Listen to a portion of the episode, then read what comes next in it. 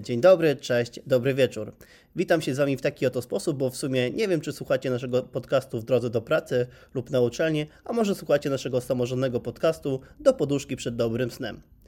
Także witam Was bardzo serdecznie. Ja nazywam się Jakub Szczepkowski i zapraszam Was do wysłuchania tego odcinka, w którym porozmawiamy o przedsiębiorczości akademickiej i transferze technologii bez tajemnic.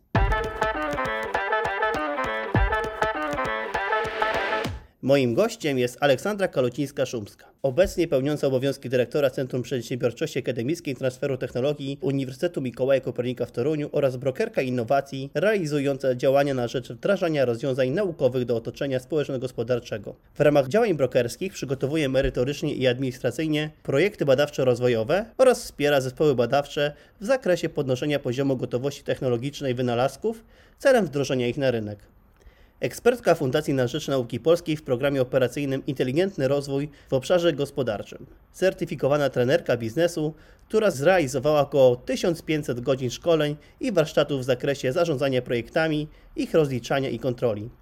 Posiada certyfikat moderatora Design Thinking oraz drugi stopień MATRIS. Uzyskała międzynarodowy certyfikat poświadczający znajomość metod Belbina, wydawany przez Belbin Associate z siedzibą w Cambridge i w tym zakresie prowadzi badania naukowe na UMK w Toruniu.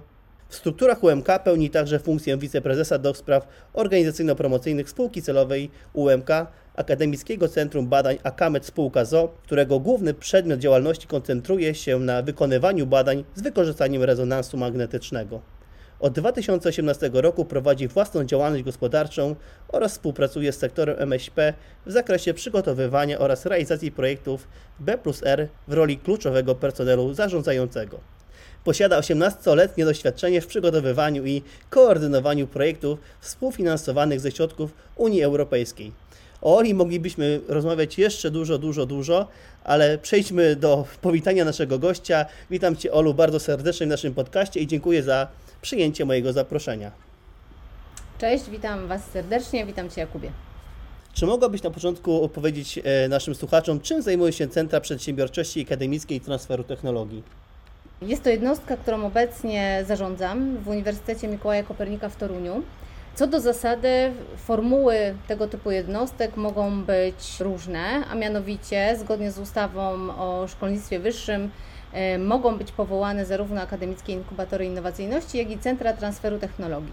W związku z tym, że na UMK nie funkcjonowała taka jednostka jak Centrum Transferu Technologii, a jedynie akademicki inkubator przedsiębiorczości, w 2020 roku podjęliśmy decyzję o konieczności uruchomienia takiej jednostki, która zajmowałaby się właśnie wdrożeniami na rynek wyników badań naukowych.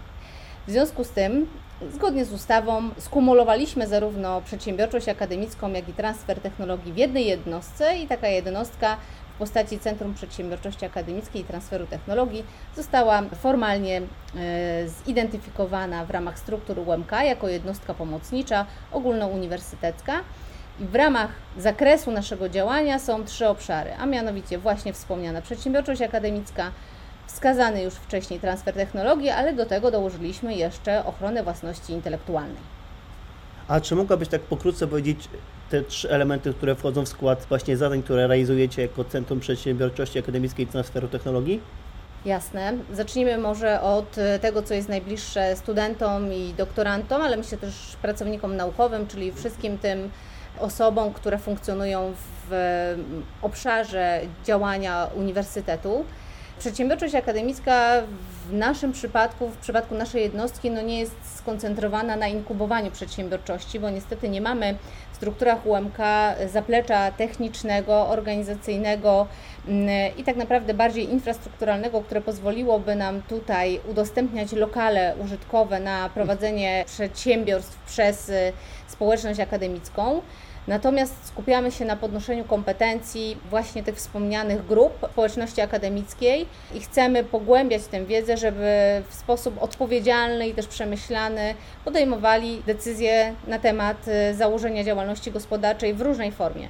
Czy w formie jednoosobowej działalności gospodarczej, czy w formie spółek, bardzo często są to spółki ZO, ale także naukowcy podejmują się bardzo często zakładania e, tak zwanych spin-offów czy spin-outów, czyli formy spółkowej, która jest definiowana jako działalność gospodarcza, w szeregach której ulokowani są naukowcy, czyli przedstawiciele uczelni.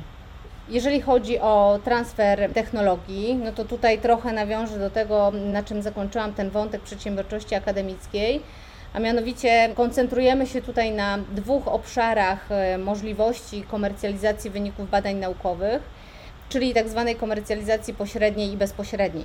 Czym one się od siebie różnią? No mianowicie właśnie tym, że w ramach komercjalizacji pośredniej naukowcy, głównie naukowcy, tudzież też y, doktoranci czy studenci, jeżeli są oni włączeni w prowadzenie działalności gospodarczej, tworzą podmioty gospodarcze, które są sformalizowane, mają nadane NIPy, regony, prowadzą w bardzo sformalizowany sposób działalność gospodarczą, najczęściej w formie spółki z ograniczoną odpowiedzialnością i są udziałowcami właśnie tych spółek jest spółka celowa UMK, spółka o nazwie startowa.pl. Jest to spółka założona i w 100% jej właścicielem jest rektor Uniwersytetu Mikołaja Kopernika. Spółka celowa ma zawsze udziały w spółce spin-offowej. Ten przedział udziałów y, oscyluje w granicach od 9 do 24%. W związku z tym, że pracownicy będący współwłaścicielami tych spółek mm, mają bardziej preferencyjne warunki do korzystania z infrastruktury uczelnianej, czy też y, na bardziej preferencyjnych warunkach mogą korzystać z laboratoriów, z których nie powinni korzystać jako przedstawiciele odrębnych podmiotów gospodarczych. Natomiast kolejną formą komercjalizacji pośredniej jest też spółka spinautowa, czyli tam, gdzie naukowiec chce bezpośrednio działać na rynku, ale nie chce być powiązany z uczelnią, swoją macierzystą, może założyć zupełnie odrębny, niezależny od uczelni podmiot, który właśnie zwany jest wówczas spółką spinautową. Jest to również najczęściej forma y, spółki ZO, y, czyli z ograniczoną odpowiedzialnością i tutaj nie ma powiązań formalnych, kapitałowych czy finansowych pomiędzy daną spółką spinautową a uczelnią. E, jeśli chodzi z kolei o drugą ścieżkę komercjalizacji, no to mówimy tutaj o komercjalizacji bezpośredniej. I za tą komercjalizację bezpośrednią odpowiada dokładnie właśnie nasza jednostka, czyli tak zwany CPAT w skrócie, Centrum Przedsiębiorczości Akademickiej i Transferu Technologii. I komercjalizacja bezpośrednia z kolei nie wiąże się z podejmowaniem jakiejkolwiek działalności gospodarczej, czy jednoosobowej działalności, czy też y, jakiejkolwiek formy spółki. Natomiast naukowcy, którzy chcieliby, aby ich rozwiązania zostały wykorzystane na rynku, w otoczeniu społeczno-gospodarczym, zgłaszają się do nas po to, aby te rozwiązania na rynek wdrożyć. Oceniamy w ramach struktur CPAT-u potencjał komercjalizacyjny danego rozwiązania, komunikujemy się z otoczeniem społeczno-gospodarczym, organizujemy spotkania nauka-biznes celem określenia e, możliwości wdrożenia danego rozwiązania na rynek. Jeśli podczas tego typu spotkań okazuje się, że dane rozwiązanie jest na zbyt niskim poziomie gotowości technologicznej, e, nazywamy to TRL-em, czyli poziom gotowości technologicznej, i nie jest to rozwiązanie jeszcze na tyle gotowe, żeby mogło być wdrożone w danej firmie czy w innym podmiocie mm, o charakterze bardziej społecznym, to staramy się wspierać naukowców w podniesieniu gotowości technologicznej danego rozwiązania. Robimy to na kilka sposobów. Takim najbardziej mm, efektywnym sposobem jest wspieranie zespołów naukowych w zakresie pozyskiwania środków zewnętrznych na rozwój danego rozwiązania. No, sprzyjają nam na pewno teraz uruchomione już na szczęście w ramach nowej perspektywy środki finansowe Unii Europejskiej. I tutaj dla przykładu mogę podać bardzo ciekawe programy, mm, które realizuje Fundacja na Rzecz Nauki Polskiej. Jesteśmy właśnie w trakcie składania i wspierania naukowców w zakresie przygotowywania grantów w konkursie First Team. Tutaj naukowcy mm, będą mogli we współpracy na podstawie podpisywanych listów intencyjnych współpracować z przedsiębiorcami po to, żeby analizować ich wskazówki, w jaki sposób najlepiej dane rozwiązanie przygotować do wdrożenia na rynek. Mieliśmy także we wrześniu nabór również w programie Fundacji na Rzecz Nauki Polskiej w ramach e, programu Proof of Concept, gdzie również ten program był skoncentrowany na podniesieniu poziomu gotowości technologicznej rozwiązań naukowych, również we współpracy z otoczeniem społeczno-gospodarczym. Szykuje się nam też w najbliższym czasie e, nabór w ramach projektu Prime, gdzie w jeszcze szerszym zakresie fundacja będzie wspierała rozwój kompetencji zespołów naukowych, właśnie po to, żeby przygotować ich do założenia spółek spin-offowych. Zatem te kilka przykładów obecnych programów, które są skupione na komercjalizacji, wspierają zespoły naukowe, które chcą komercjalizować swoje rozwiązania naukowe, no pozwala nam wypełnić tą lukę, często nazywamy ją Doliną Śmierci, gdzie poziom tego potencjału danego rozwiązania nie jest jeszcze dostosowany do potrzeb przedsiębiorcy. Jeśli chodzi z kolei o trzeci obszar, o którym wspomniałam, czyli mm, ochrona własności intelektualnej, to oczywiście w szeregach naszego zespołu jest również rzecznik patentowy UMK, który e, podlegając pod decyzyjność jego magnificencji rektora uczelni, realizuje i obsługuje, wspiera naszą jednostkę w zakresie identyfikacji autorów danego rozwiązania, tak aby te wszystkie kwestie formalne były tutaj w odpowiedni sposób sformalizowane, zidentyfikowane, żeby potem nie było żadnych roszczeń w stosunku do uczelni, jeżeli chodzi o ominięcie jakiegoś autora w przygotowaniu danego rozwiązania naukowego. I tutaj w tym zakresie nasza jednostka organizuje wybór, wyłanianie y, konkretnego rzecznika patentowego w zależności od obszaru, w jakim dany wynalazek jest generowany, czyli mówię tu o specyfice funkcjonowania w naukach y, y, technicznych, w naukach przyrodniczych, w naukach biologicznych, czy w naukach humanistycznych czy społecznych. Dany rzecznik patentowy wspiera nas tutaj w przygotowaniu zgłoszenia patentowego. W momencie, kiedy mamy już zabezpieczoną ochronę danego rozwiązania, jesteśmy w stanie na podstawie umowy o poufności, umowy tzw. Tak NDA z danym przedsiębiorcą rozmawiać na temat szczegółów danego rozwiązania, pokazać mu jego kluczowe walory, przewagi konkurencyjne Naukowiec czuje się wtedy zabezpieczony tym, że taka ochrona już jest zrealizowana i w sytuacji, kiedy przedsiębiorca jest zainteresowany danym rozwiązaniem, może dane rozwiązanie y, chronione poprzez zgłoszenie patentowe, później liczymy na to, że będzie z tego patent, y, czy w innej formule znaku towarowego, znaku przemysłowego. Takie rozwiązanie jest zabezpieczone i dalej możemy z przedsiębiorcą w sposób bardzo otwarty współpracować. Oczywiście pojawiają się wątpliwości z obydwu stron, zarówno po stronie przedsiębiorców, jak i po stronie naukowców. Czy ktoś e, w sposób niegodny to zaufanie obydwu stron naruszy i będzie chciał takie rozwiązanie e, no, pokątnie przejąć? Natomiast co do zasady liczymy na to, że taka współpraca y, pozwoli przynieść korzyści obydwu stronom, bo z jednej strony naukowiec ma poczucie satysfakcji, że wieloletnia jego praca przynosi korzyść społeczeństwu i gospodarce, a z drugiej strony przedsiębiorca unika bardzo kosztownych y, badań, wieloletnich badań naukowych, których nie musi już prowadzić, tych badań podstawowych, wstępnych bo mm, przejmuje rozwiązanie, które już zostało zweryfikowane bardzo często w warunkach rzeczywistych, laboratoryjnych albo zbliżonych do rzeczywistych. Dzięki temu ma pewność, że rzeczywiście dane rozwiązanie jest skuteczne i wystarczy tylko dostosować je do konkretnych potrzeb przedsiębiorcy, co już nie generuje takich kosztów, gdyby dane badania prowadził od samych podstaw. Dzięki. Muszę przyznać, że jestem pod ogromnym wrażeniem e, szerokiego spektrum e, działań, które podejmujecie. Aż zastanawiałem się, ile e, osób pracuje w takim zespole, bo patrząc na liczbę zadań, o których wymieniłaś, to wydaje mi się, że jest kilkadziesiąt co najmniej. Niemniej jednak, Olu, a mogłabyś powiedzieć nam, jaką ofertę i jakie projekty w ogóle realizujecie dla studentów i doktorantów? Tych zadań jest y, kilka, czy też kilkanaście. Ja bym może skupiła się na tych najbardziej kluczowych dla nas, dla naszego zespołu. Nie ukrywam, że pod, podjęliśmy się próby tworzenia zespołów interdyscyplinarnych Zależy nam na tym, żeby naukowcy włączali w swoje zespoły badawcze, badawczo-naukowe, zarówno doktorantów, jak i studentów. I temu został poświęcony program Akademia Liderów Innowacji, który realizujemy w pilotażu w programie e, Ministerstwa Edukacji i Nauki, programie Nauka dla Społeczeństwa. Ten program, e, Jakubie, jak e, dobrze, dobrze znasz, bo byłeś naszym wsparciem też w przygotowaniu tego projektu, który dostał dofinansowanie.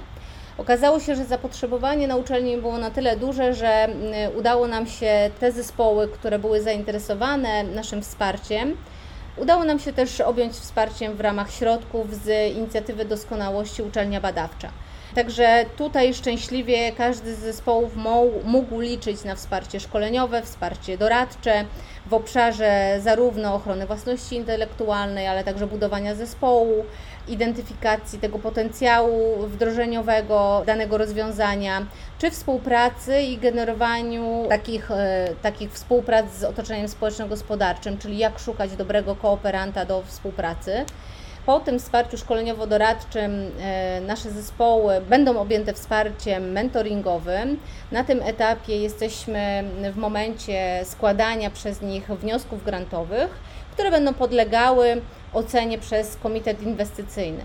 Ale ta ocena tak naprawdę ma bardziej na celu podpowiedzenie pewnych wątpliwości, które się pojawiają wśród oceniających te wnioski, wskazanie może pewnych y, luk, o których dany zespół naukowy może nie pomyślał, a z punktu widzenia Komitetu Inwestycyjnego byłoby to jeszcze bardziej wartościowe dla, y, dla uczelni. Ten program jest o tyle ciekawy, że pozwala też zbadać e, potencjał danego zespołu, który nad danym rozwiązaniem e, współpracuje, dlatego że każda z osób ma możliwość wzięcia udziału w badaniu ról zespołowych Belbina i może zidentyfikować swoje mocne i słabe strony, jeżeli chodzi o funkcjonowanie w ogóle w zespole. Jest to na tyle ciekawe, że daną osobę oceniają również obserwatorzy, czyli osoby, z którymi dana osoba współpracowała przez dłuższy czas co powoduje, że ta y, samoocena staje się bardziej obiektywna, a dla danej osoby jest to niezwykle cenna wartość, czyli informacja zwrotna, jak dana osoba się w zespole zachowuje, jakie są jej mocne strony, jaką rolę w zespole naukowym y, pełni i w jakich y, obszarach najlepiej można byłoby wykorzystać jej kompetencje. To jeżeli chodzi o tak zwane ALI, e, czyli Akademię Liderów Innowacji, mamy też uruchomiony nowy program Startupownia.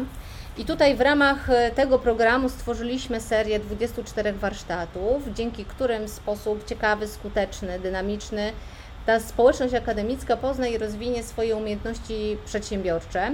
Program jest autorski, natomiast opiera się na Entrecom, czyli ramach kompetencji przedsiębiorczych stworzonych przez Komisję Europejską. I tutaj do współpracy zaprosiliśmy praktyków z różnych obszarów biznesu. I w ramach danego warsztatu dana społeczność będzie rozwijała swoje kompetencje w sześciu kluczowych dla tego programu obszarach, a mianowicie jest to kreatywność, etyczne i zrównoważone myślenie, samoświadomość i skuteczność, mobilizowanie innych, podjęcie inicjatywy, czy też radzenie sobie z niepewnością i ryzykiem. Czyli cała seria tych 24 warsztatów oscyluje wokół rozwoju właśnie tych sześciu kluczowych, priorytetowych obszarów kompetencyjnych. Organizujemy corocznie także startup weekendery, ale także konkurs Moja firma, mój startup i te dwie inicjatywy będą realizowane już na koniec roku. Wyniki naboru w konkursie Moja firma, mój startup będą rozstrzygane w pierwszym kwartale przyszłego roku, także zachęcamy całą społeczność e, studencką do wnioskowania też o nagrodę w ramach tych konkursów. To też bardzo ciekawe inicjatywy i na pewno rozwijające kompetencje przedsiębiorcze. Tych projektów widzę, że jest bardzo dużo, które są skierowane zarówno do studentów, jak i doktorantów. A powiedz mi, Olu, czy studenci i doktoranci w ogóle korzystają z takiej oferty i chętnie biorą udział w projektach, które realizujecie? Czy są na pewno te działania, które cieszą się większą popularnością? Są też takie, które weryfikujemy, bo ta popularność jest wśród studentów mniejsza. Stąd tak naprawdę nie spoczywamy na laurach, tylko modyfikujemy, albo nazwałabym to może bardziej ewoluujemy te działania, te programy, które się sprawdziły może w mniejszym zakresie, aby dostosować je do potrzeb naszych odbiorców. Bardzo nam zależy na tym, żeby studenci, doktoranci mogli rozwijać swoje kompetencje w centrum, jeżeli chodzi o tą przedsiębiorczość akademicką. Nie ukrywam, że zmieniliśmy właśnie formułę tej startupowni. Wcześniej była ona, miała ona charakter programu Kopernikus Startup Labs Natomiast stwierdziliśmy, że pierwszym krokiem do tego, żeby budować kompetentne zespoły, które są gotowe na założenie działalności gospodarczej, jest e, tak naprawdę ta bardziej podstawowa wiedza, jeżeli chodzi o te kompetencje przedsiębiorcze. I dopiero w momencie, kiedy ta ogólna wiedza zostanie przekazana społeczności akademickiej, będą oni gotowi do tego, żeby podejmować w ogóle decyzje w zakresie podejmowania działalności gospodarczej, bo ta decyzja powinna być bardzo odpowiedzialna. To się oczywiście wiąże zarówno jeżeli chodzi o startupy zakładane przez studentów, ale też przechodząc przez spółki z ograniczoną odpowiedzialnością w formie spin-offów czy spin-outów, to zawsze wiąże się z ponoszeniem ryzyka i z ponoszeniem kosztów. Więc jeżeli mamy rzeczywiście wykładać przez początkowy okres rozwoju danej działalności gospodarczej własne środki, żeby pokryć te y, niezbędne koszty, no to powinniśmy być do tego po prostu przygotowani i wiedzieć, z czym dana działalność będzie się wiązała jeżeli chodzi o, y, o, te, o te koszty, bo to jest dla nas kluczowe, o tym powinniśmy pamiętać. Myślę, że ważne jest też zdawanie sobie sprawy z tego, jakie są nasze mocne strony. I tutaj w tym obszarze te same y, badania y, ról zespołowych Belbina również są niezwykłą podpowiedzią dla osób, które taką działalność chciałyby rozwijać żeby dowiedziały się, co jest ich mocną stroną i w jakim obszarze są w stanie w ramach tej przedsiębiorczości funkcjonować. No i kolejna kwestia, podpowiadamy też w ramach Business Model Canvas, realizując właśnie taki model dla danego zespołu, na co warto zwrócić uwagę i bardzo często okazuje się, że dany zespół, czy dana grupa studentów, czy pojedyncza osoba mm, uświadamia sobie, na co powinna zwrócić uwagę, czyli zaczyna się zastanawiać, kto jest jej prawdziwym odbiorcą danego rozwiązania, jakie są niezbędne zasoby, żeby daną działalność prowadzić, jakie wiążą się z tym koszty, czy ma w ogóle rozeznanie rynku przeprowadzone, bo tak naprawdę w każdej analizie badania rynkowego ten uczestnik, odbiorca jest kluczowy i tak zwany klient klient jest kluczowy, aby dana działalność odniosła sukces. Więc poprzez takie, wydaje się proste i bardzo mm, sformalizowane narzędzie, jakim jest Business Model Canvas, możemy podpowiedzieć, uświadomić, czego jeszcze danej osobie, danemu zespołowi brakuje, żeby tą decyzję o podjęciu działalności podjąć w pełni świadomie. E, tu Olu wspomniałeś, że e, Centrum Przedsiębiorczości Akademickiej Transferu Technologii UMK powstało z przekształcenia Akademickiego Inkubatora Przedsiębiorczości, którego tak naprawdę głównym zadaniem jest właśnie inkubowanie tej działalności studenckiej. I powiedz mi, e, co jeśli dzisiaj przyjdzie do Ciebie student lub doktorant i powie, że ma pomysł na biznes, czy jesteście w stanie go w jakiś sposób wesprzeć? Pierwszy krok, który teraz myślę zaleciłabym dla danego zespołu studenta, który ma myśl w głowie, pojawia się u nich myśl, że chcą założyć działalność gospodarczą, to myślę, że skorzystanie z warsztatów, które proponujemy w ramach programu Startupownia, myślę, że tam warto zadawać pytania, co dalej, i myślę, że w kolejnych krokach ważne jest spotkanie się z naszym zespołem CPAT-u, z zespołem y, odpowiedzialnym za przedsiębiorczość akademicką i tam staramy się tak naprawdę gremialnie podpowiedzieć, czy dane rozwiązanie ma ten potencjał rynkowy, ale w dosyć szerokim zakresie. Bo z jednej strony to jest myślę kluczowe, należy danej osobie, myślę bardzo często młodej, która dopiero wchodzi na ten rynek pracy, uświadomić, jakie są koszty związane z prowadzeniem własnej działalności gospodarczej, żeby zrobić to zupełnie świadomie i z, z wzięciem odpowiedzialności za, y, za konieczność ponoszenia takich wydatków. Druga kwestia to jest właśnie wspomniane przeprowadzenie Business Model Canvas, czyli w bardzo prostym, szybkim narzędziu możemy sobie uświadomić, czego jeszcze nie wiemy i co jest niezbędne do tego, żebyśmy w sposób przemyślany do tego mm, przedsięwzięcia, jakim jest prowadzenie własnego biznesu, żebyśmy do tego podeszli przygotowani. Kolejny krok to próba zidentyfikowania, ale też przy naszym udziale i pomocy, z jakich środków zewnętrznych moglibyśmy skorzystać, chcąc taką działalność gospodarczą założyć. Bo otwiera się nowa perspektywa programowa 2021-2027 i jak zawsze jest tam też przestrzeń dla osób, które chcą podejmować się działalności gospodarczej.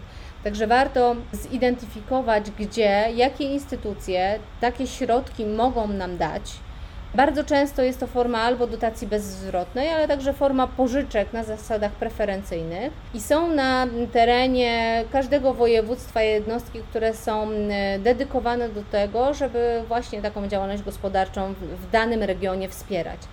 Ja dla przykładu mogę powiedzieć, że w najbliższym czasie Centrum Wspierania Biznesu w Toruniu przygotowuje właśnie warsztat przedstawiający założenia co do nowego finansowania osób, które chcą zakładać działalność gospodarczą, więc warto wejść na stronę CWB i mm, zobaczyć, kiedy jest ten warsztat i jakie są e, źródła finansowania działalności gospodarczej ale skierowałabym na pewno też taką młodą osobę do Toruńskiej Agencji Rozwoju Regionalnego, gdzie można się dowiedzieć, jakie są preferencyjne dotacje, pożyczki na, dla osób, które chcą założyć działalność gospodarczą w zależności od, oczywiście od obszarów, w którym chcą funkcjonować i środków, które są potrzebne na prowadzenie danej działalności, bo często jest to kwota kilkudziesięciu tysięcy złotych, ale czasami też jest to kwota rzędu kilkuset czy, czy nawet milionów złotych, więc to jest y, też ta kwestia instytucji, która daną kwotą dysponuje, żeby dany grant wspierać. Polska Agencja Rozwoju Przedsiębiorczości to jest instytucja, która już właśnie w szerszym zakresie, z dużo większą mocą finansową wspiera podmioty gospodarcze, ale te podmioty już muszą być tutaj założone, więc w sytuacji, kiedy już mamy decyzję o założeniu działalności gospodarczej, to taki podmiot należący do sektora MŚP, małe średnie przedsiębiorstwa, może korzystać z dotacji chociażby Polskiej Agencji Rozwoju Przedsiębiorczości. Myślę, że dla osób, y, które na ten moment nie posiadają pracy i posiadają status osoby niepracującej, bezrobotnej, można się też zgłaszać do powiatowych urzędów pracy na wsparcie na założenie działalności dla osób bezrobotnych. Tutaj, co prawda, kwoty nie są wygórowane, bo jest to najczęściej około 20-20 kilku tysięcy złotych, ale też bardzo często te biznesy studenckie nie generują e, takich dużych potrzeb na samym starcie. Są to bardzo często też pomysły innowacyjne, które z biegiem rozwoju wymagają większej gotówki i myślę, że jak już taka działalność zostanie uruchomiona, to można sięgać po te większe środki właśnie w programach czy Narodowego Centrum Badań i Rozwoju, czy Polskiej Agencji Rozwoju Przedsiębiorczości. A powiedz mi, Olu, y, jak oceniasz w ogóle przygotowanie merytoryczne i w ogóle samo podejście do biznesu młodych osób, studentów i doktorantów?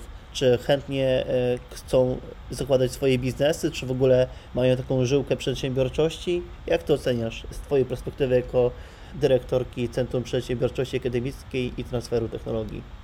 Powiem tak, bardzo często w odpowiedzi na konkursy, które ogłaszamy, jesteśmy bardzo zaskoczeni poziomem innowacyjności tych rozwiązań, które są prezentowane chociażby w konkursie Moja firma, mój startup.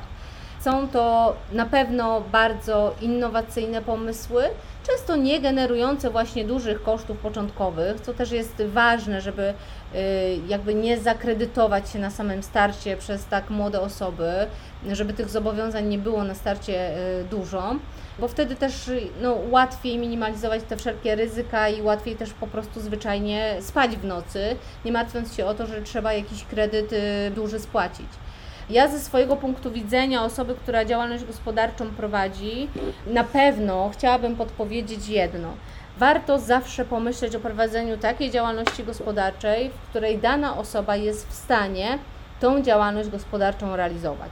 Co mam na myśli? Jeżeli macie kompetencje w obszarze marketingu, w obszarze promocji, to jak najbardziej próbujcie swoich sił w prowadzeniu agencji reklamowej, czy byciu tak naprawdę na starcie takim e, wykonawcą dla większych firm, które taką kampanię promocyjną, marketingową, reklamową są w stanie realizować, ale nie bierzcie się za coś, na czym się bezpośrednio nie znacie.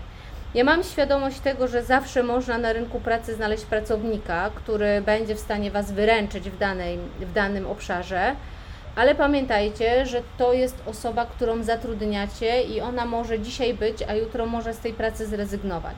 Jeżeli macie i zobowiązania finansowe, i zobowiązania zawarte w umowach z różnymi podmiotami, to w sytuacji, kiedy pracownicy, współpracownicy, mówiąc kolokwialnie, Was wystawią, nie będziecie w stanie tej działalności dalej prowadzić.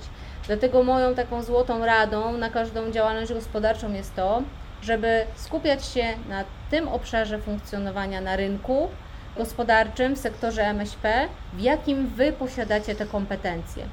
Bo w sytuacji właśnie pojawienia się takiego ryzyka z personelem, który chcecie zaangażować, do współpracy, to Wy będziecie mogli to ryzyko zminimalizować własnymi kompetencjami, czyli przez jakiś okres czasu będziecie w stanie sami pociągnąć daną kampanię promocyjną, marketingową, dopóki nie znajdziecie osoby na zastępstwo.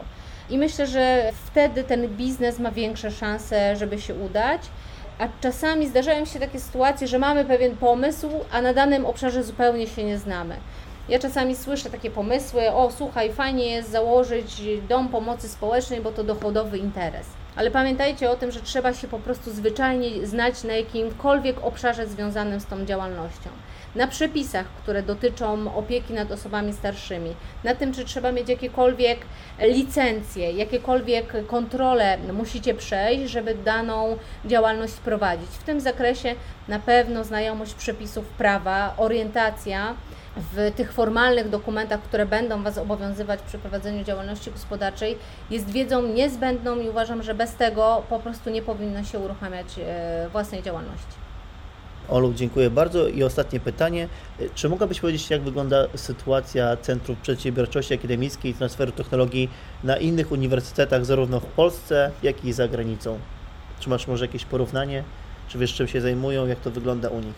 Właśnie jesteśmy po konferencji, którą organizowaliśmy y, dla wszystkich centrów transferu technologii na poziomie kraju. To jest y, konferencja porozumienia akademickich centrów transferu technologii.